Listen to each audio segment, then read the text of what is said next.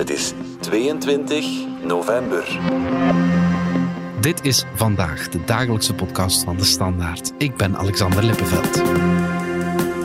De opwarming van de aarde beperken tot anderhalve graad, dat was het doel. En elk jaar moeten er stappen gezet worden om dat doel te bereiken. Maar die stappen zijn in Egypte niet genomen.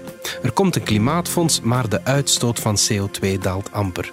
Waarom slagen onze wereldleiders er maar niet in om daadkrachtige beslissingen te nemen rond de klimaatopwarming?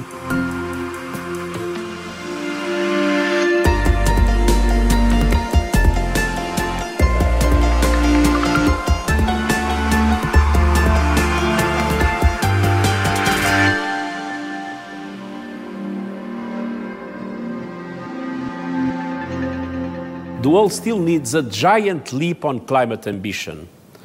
COP27 concludes with much homework and little time. De 27e VN-klimaattop in het Egyptische Sharm el-Sheikh zit erop. En zoals u de VN-baas Guterres net hoorde zeggen, dan zijn we niet echt ver geraakt. Of zoals EU-onderhandelaar Frans Timmermans zegt... We should have done much more. Our citizens expect us to lead. That means far more rapidly reduce emissions. That's how you limit climate change. Dominique Minten van onze buitenlandredactie, je hebt de klimaattop in Egypte gevolgd. Als de toponderhandelaars al vinden dat het niet genoeg is geweest, dan uh, kan ik vermoeden dat jij het ook geen succes vond. Hè? Nee, het was geen succes. Uh, ik denk dat de analyse van Frans Timmermans de correcte was. Er is eigenlijk geen enkele vooruitgang geboekt op het vlak van het terugdringen van de uitstoot van broeikasgassen. Mm -hmm. En dat blijft de essentie. Als we het klimaat willen redden, moeten we gewoon minder broeikasgassen uitstoten. Mm -hmm. Er is geen enkele beslissing genomen die verder gaat dan wat er eigenlijk nu op tafel ligt. Ja, ja. En dat betekent dus dat we die anderhalve graad die we willen in leven houden, zoals dat was afgesproken in de vorige klimaattop in, in Glasgow. Mm -hmm. Dus daar uh, werd daar nog wel over gesproken.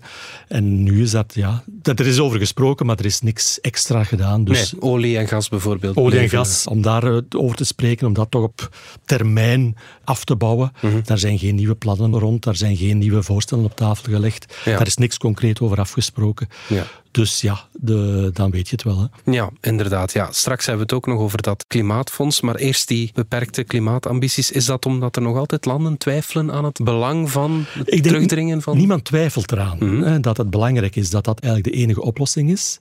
Het klinkt nu allemaal heel pessimistisch. En ja, ik ben ook niet optimistisch over wat er gebeurt. Mm -hmm. Maar er worden natuurlijk wel enorme stappen gezet de voorbije jaren, decennia al. Er wordt enorm veel geïnvesteerd in hernieuwbare energie.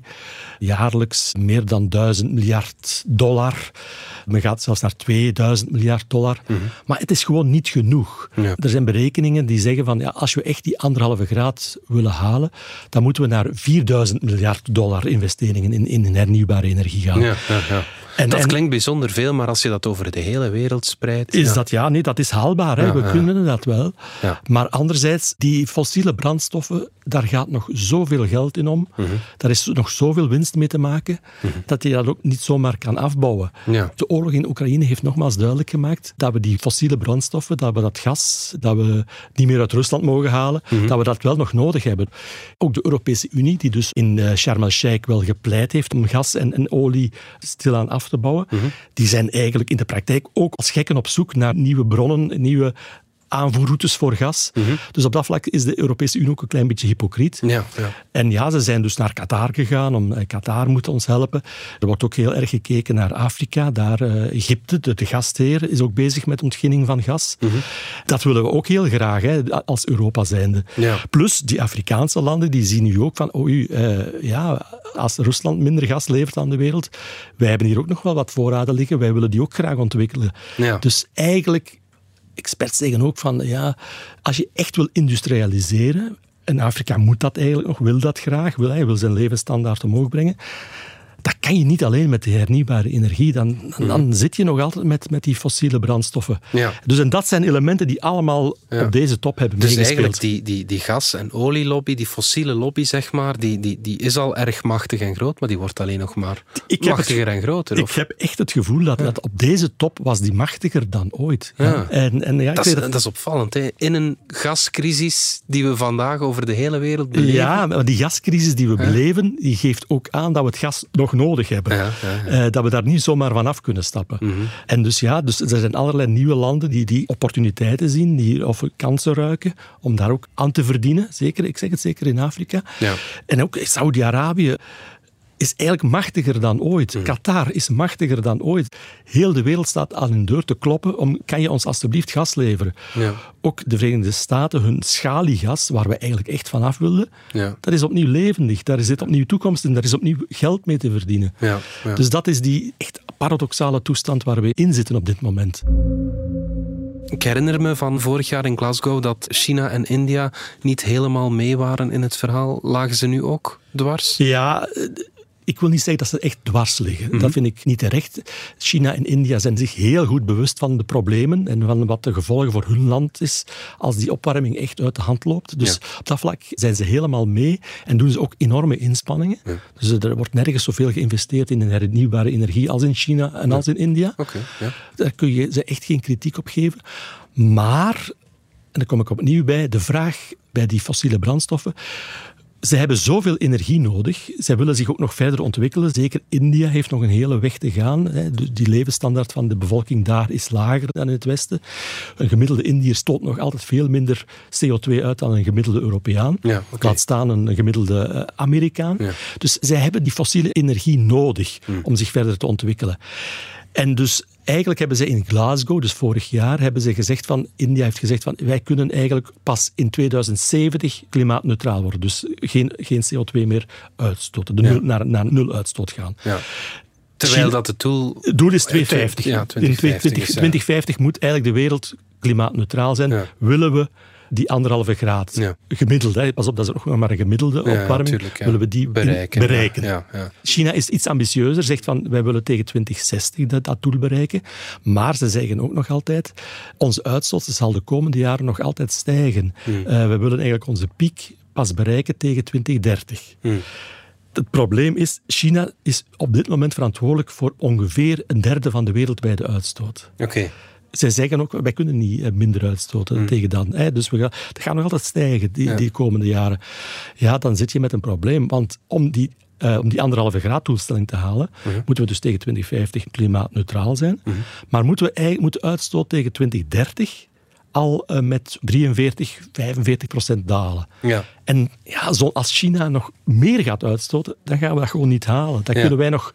En nu zitten we op het traject, dat vond ik het meest hallucinante cijfer van alles wat ik gelezen heb, van 1 procent. Ja, er is nu, we hebben 1% minder uitgestoten. Tegen 2030. Tegen sowieso. 2030, ja. Ja, dus, ja, dus eh, met, de klimaatplannen die 43. nu op tafel liggen, dus de verzamelde klimaatplannen van alle landen samen, dan zullen we tegen 2030 1% minder hebben uitgestoten eh, in plaats van die 43%. Ja, oké. Ja, dan weet je het wel. Hè. En Europa heeft die Green Deal, eh, dat is allemaal redelijk goed uitgewerkt. Mhm.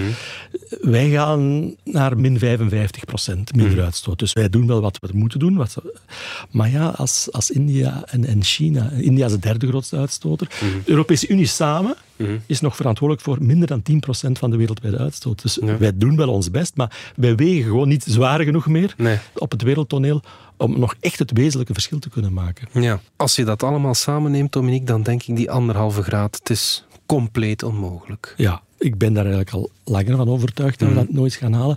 Daarover ging het ook in Sharm el-Sheikh. Eigenlijk is iedereen er nu wel van overtuigd dat we die anderhalve graad niet meer kunnen halen. Vorig jaar is er een interessante bevraging geweest van alle wetenschappers die ooit mee hebben geschreven aan die IPCC-rapporten. De, Ja. de wetenschappelijke rapporten, hè, die dus heel die klimaatverandering in, in kaart brengen. En toen werd ook de vraag gesteld, wie gelooft er nog dat die anderhalve graad, dat we die nog gaan halen? En eigenlijk de helft zei toen ook al van, vergeet het jongens, die anderhalve graad gaan we niet meer halen. Dus als we tot twee graden kunnen beperken, zal het ook al een heel groot succes zijn. Maar de meesten denken dat we toch richting drie graden opwarming gaan. Oké, en wat betekent dat dan? Ja, dan kom je echt in een heel andere wereld terecht. Je mag je niet vergeten, die anderhalve graad opwarming, dat is een gemiddelde. Gemiddeld op de aarde. De gemiddelde opwarming is anderhalve graad meer. In sommige gebieden zal dat veel meer zijn. Mhm. In het hoge noorden nu, in de Noordpool, is het nu al drie graden gemiddeld warmer dan, Oké, ja. dan in de pre-industriële tijd. Ja. Men verwacht ook dat bijvoorbeeld in heel het Midden-Oosten, ook stukken van Afrika, dat men dan gaat komen tot ja, opwarming van 5 graden. Dat het Ja. daar dan 5 graden warmer gaat zijn. En het is er al warm. En het is er al warm, eh, inderdaad. Ja. Er is onderzoek naar gedaan. Dat is altijd een beetje gevaarlijk om dat precies te zeggen. Van wat zijn dan de precieze gevolgen daarvan? Van, Mhm, van 3 graden in vergelijking met anderhalve graad. Maar eigenlijk kan je zeggen.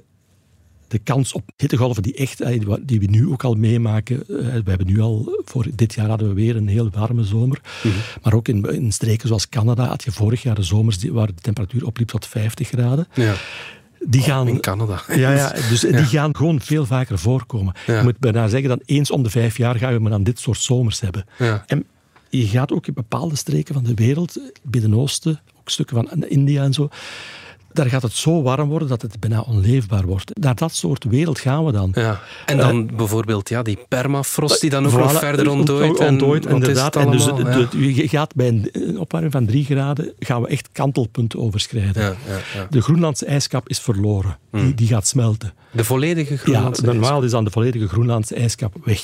Wow. Dan zie je de zeespiegel stijgen. Nu, dat is een heel traag proces. Dat is een heel dus ik denk niet dat... eh, Wij gaan dat niet Wij meemaken. gaan dat niet meer meemaken, dat, dat steden onder water lopen. Mhm, Maar dat is ook dan on- een onomkeerbaar proces. Mhm. Dus die stijging gaat altijd maar door en door en door. En dus in, dan gaat het over een paar honderd jaar, ga je dan wel een zeestijging hebben van vijf tot zeven meter. En dan kom je inderdaad, ja, Antwerpen is dan verloren. Hè? Dus eh, half Nederland komt dan echt eh, onder water te staan. Ja. Dat is dan het lange termijn perspectief, waar we nu nog, ja, we kunnen dat eigenlijk nauwelijks voorstellen. Dat is dan een proces dat in gang is gezet en dat niet meer te stoppen is. Er is toch nog één lichtpuntje, Dominique. China en India hebben toch een akkoord om minder methaan uit te stoten. Een veel ja, belangrijk broeikasgas eigenlijk dan Ja. CO2. Kan dat ons wel wat verder Dat helpen? zal ons zeker, eh, dus alle beetjes helpen. Hè? Dus elke tiende graad die we minder opwarmen, is gewonnen. En eigenlijk dat methaan, dus eh, dat is eigenlijk een, ja, een veel krachtiger broeikasgas dan CO2. Ja. Het blijft iets minder lang in de atmosfeer, maar het is, ja, het is veel krachtiger dan CO2. Dus alles wat we daaraan doen, is winst. En eigenlijk in Glasgow zijn daar afspraken rond gemaakt. Er is een soort van coalitie ontstaan, eh, een wereldwijde coalitie, om de methaanuitstoot aan te pakken, om die tegen 2030 met 30% te verminderen. Het was een initiatief van de VS en Europa, de Europese Unie. Daar hebben zich nu al 150 landen bij aangesloten. Oké.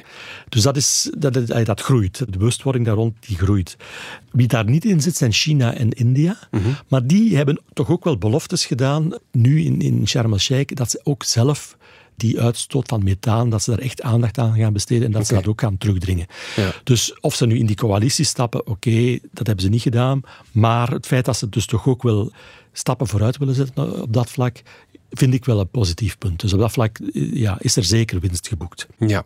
En nog even voor de duidelijkheid, waar komt die uitstoot van methaan nu weer vandaan? Ja, er zijn verschillende bronnen van methaan. De landbouw, daar eh, de koeien die stoten wel wat methaan uit.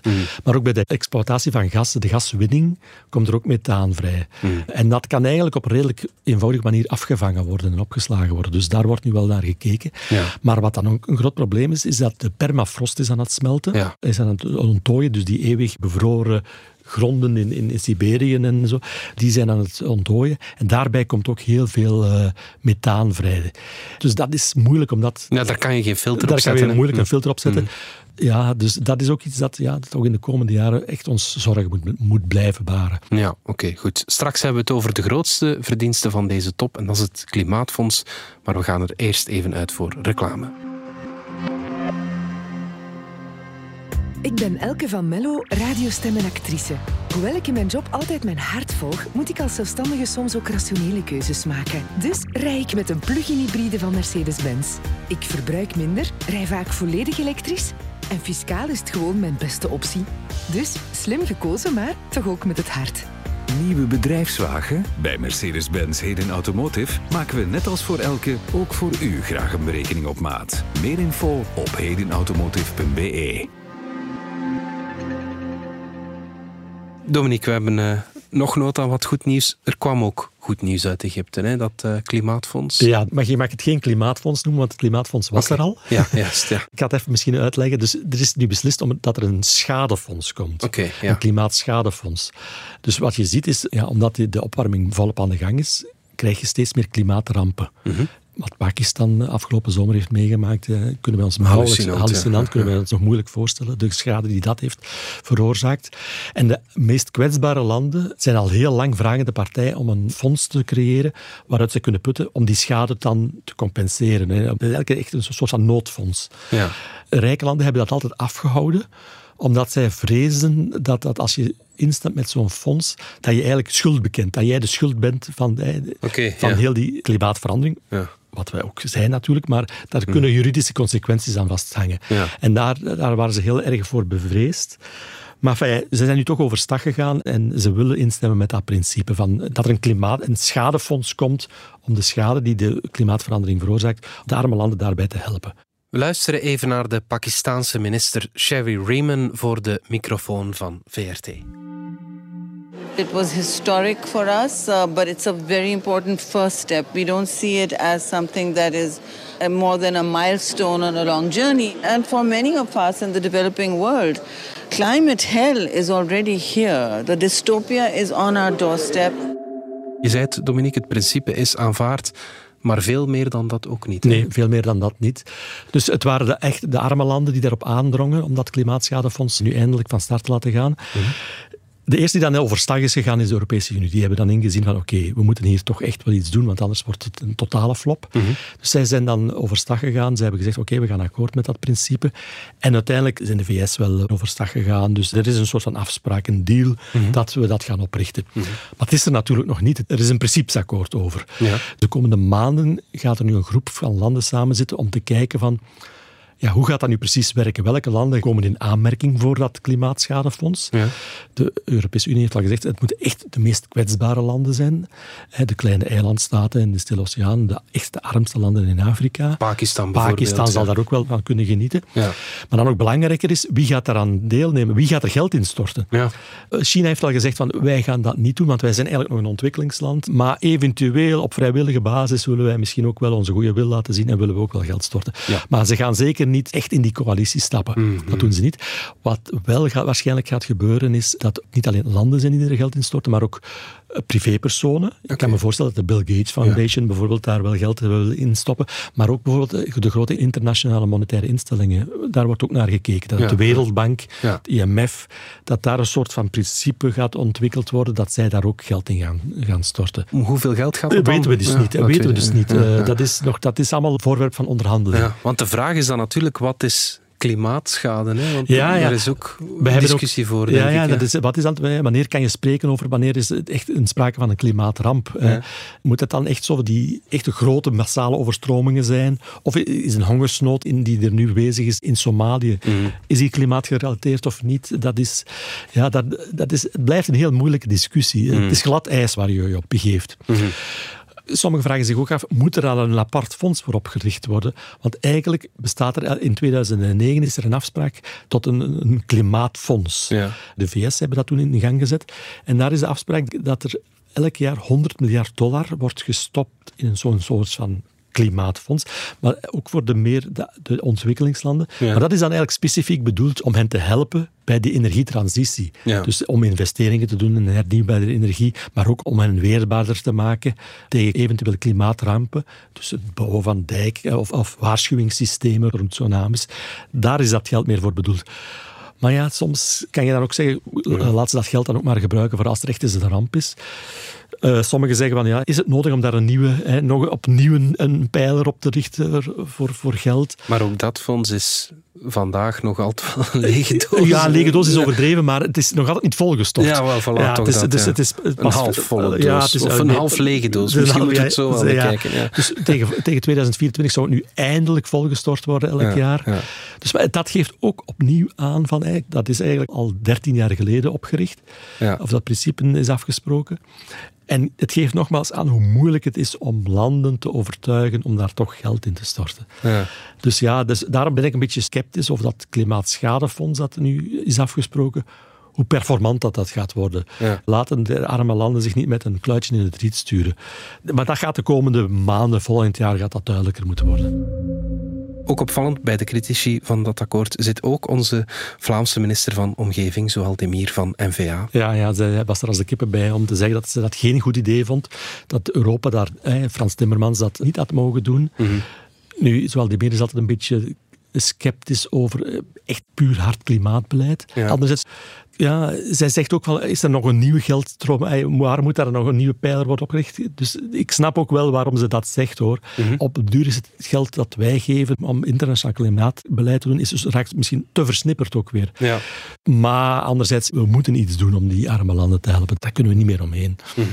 Het is natuurlijk eh, wrang. Hè. We moeten nu geld uitgeven om die schade van de klimaatopwarming te vergoeden, terwijl we het beter dat geld zouden besteden om de klimaatopwarming tegen te houden en het probleem bij de wortel aan te pakken. Absoluut, ja. Blijft wrang. We blijven dweilen met de kraan open. Dat is eigenlijk de grootste kritiek op deze top, hè, op de voorbije top ge- geweest. En ja, die is terecht. En we doen te weinig. We zetten te weinig stappen vooruit in, in de echte, het aanpakken van de oorzaak van die opwarming. En volgend jaar, Dominique, dan vindt er een nieuwe klimaattop plaats in de woestijn in de Verenigde Arabische Emiraten. Het is wel een beetje om wat moedeloos van te worden Ja, dat het net is- daar is. Ja, ik snap dat je daar een beetje moedeloos van wordt. Het land heeft zich ontwikkeld dankzij zijn olie en zijn gas. Mhm.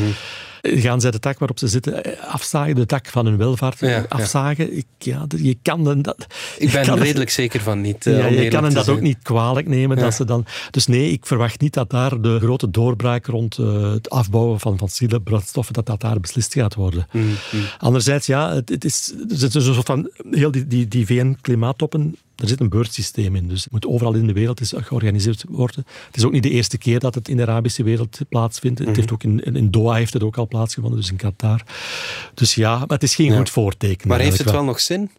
dat is een andere discussie. Mhm. Eh, ik, ik las dit weekend nog een column in de Financial Times waarin gepleit werd voor, ja, heeft dat nog wel zin en moeten we dat niet gaan afschaffen, die jaarlijkse hoogmissen?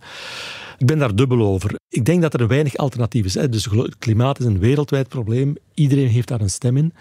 En het enige forum waarin dat iedereen zijn stem kan laten horen, zijn deze klimaattoppen. Dus voor twee weken lang kunnen de meest kwetsbare landen toch tenminste hun stem nog eens laten horen. Wordt er ook naar hen geluisterd? Ja. Is er die aandacht voor dat probleem? En misschien groeit dan ook weer even de urgentie. Zijn ze efficiënt, die toppen? Nee, dat denk ik niet. Op dat vlak zijn bijvoorbeeld, denk ik dan bijvoorbeeld die G20, die ook vorige week heeft plaatsgevonden in, in Bali, zijn misschien betere platformen om sneller vooruitgang te boeken. Omdat je En- daar nu eenmaal met minder volk... met, met eh, minder volk zit. ja. En, en de echte belangrijke spelers zitten daar ook wel aan tafel. Ja. Degenen die er echt iets aan kunnen doen, die zitten daar aan tafel. Pas op, en dat gebeurt daar ook wel. Hè. Dus Biden heeft daar gesproken met de Chinese president Xi. Ja. En je voelde daar toen ook al van, ze zijn terug meer on speaking terms. Ja. En dat had direct zijn weerslag op wat er in Sharm el-Sheikh gebeurde. Dus daar heb je, zat John Kerry, de, de, de klimaatgezant van Biden, zat daar. Maar ook Xi Jinping, Ja. dat is eigenlijk de, de man, de klimaatpaus van China, die ook al jarenlang meedraait in, op die klimaattoppen. En die bestaan elkaar. Kerry en de andere Xi dan, Ja. die bestaan elkaar goed. En ze hebben het fiat gekregen, eh, zeker, om terug met elkaar te spreken. En ze hebben er ook afspraken gemaakt van, we gaan terug nauwer samenwerken, we gaan toch afspraken meer met elkaar afstammen. Dus op dat vlak gebeurt er ook wel iets. Dus ook dat is, vind ik, wel een, een positief punt. Kijk, het is een donkere tunnel, maar er zijn af en toe nog lichtpuntjes. Ja, die zijn er inderdaad. Winter, Dank je wel. Graag gedaan. Blijf nog even hangen, want ik heb een bijzondere luistertip. Toen tv-maker Bart de Pauw exact vijf jaar geleden in een video bekendmaakte dat hij wegens klachten over grensoverschrijdend gedrag niet meer voor de VRT mocht werken, barstte MeToo in Vlaanderen los. In de vijfdelige podcast Na de Storm onderzoekt Vele Segers wat er intussen veranderd is. Ze doet dat met getuigenissen van de actrices Lisa Naert, Maaike Kafmeijer Ik moet ergens de lente in dit zien. Als dat niet is, dan is het voor niks niet nodig geweest. Want het is wel zo, hier allen wel uit leren, hè. Echt waar, hè. Met Valerie Droeven, die de zaak voor de standaard volgde, psychiater Dirk de Wachter, Steven Colasny van het koor Scala en Lisbeth Stevens van het Instituut voor de Gelijkheid van Mannen en Vrouwen. Na de storm vanaf 9 november in de app DS Podcast of je favoriete podcast-app. Een co-productie van de Standaard en productiehuis De Hofleveranciers. Dit was vandaag de dagelijkse podcast van de Standaard. Bedankt voor het luisteren. Volg ons op Spotify, Apple Podcast of eender welk ander podcastplatform. In onze gratis FDS podcast kan je niet alleen ons werk beluisteren, maar ook de beste podcasttips terugvinden met zorg geselecteerd door onze redacteur Max de Moor. Alle credits van de podcast die je net hoorde vind je op standaard.be-podcast. Reageren kan via podcast.standaard.be. Morgen zijn we opnieuw.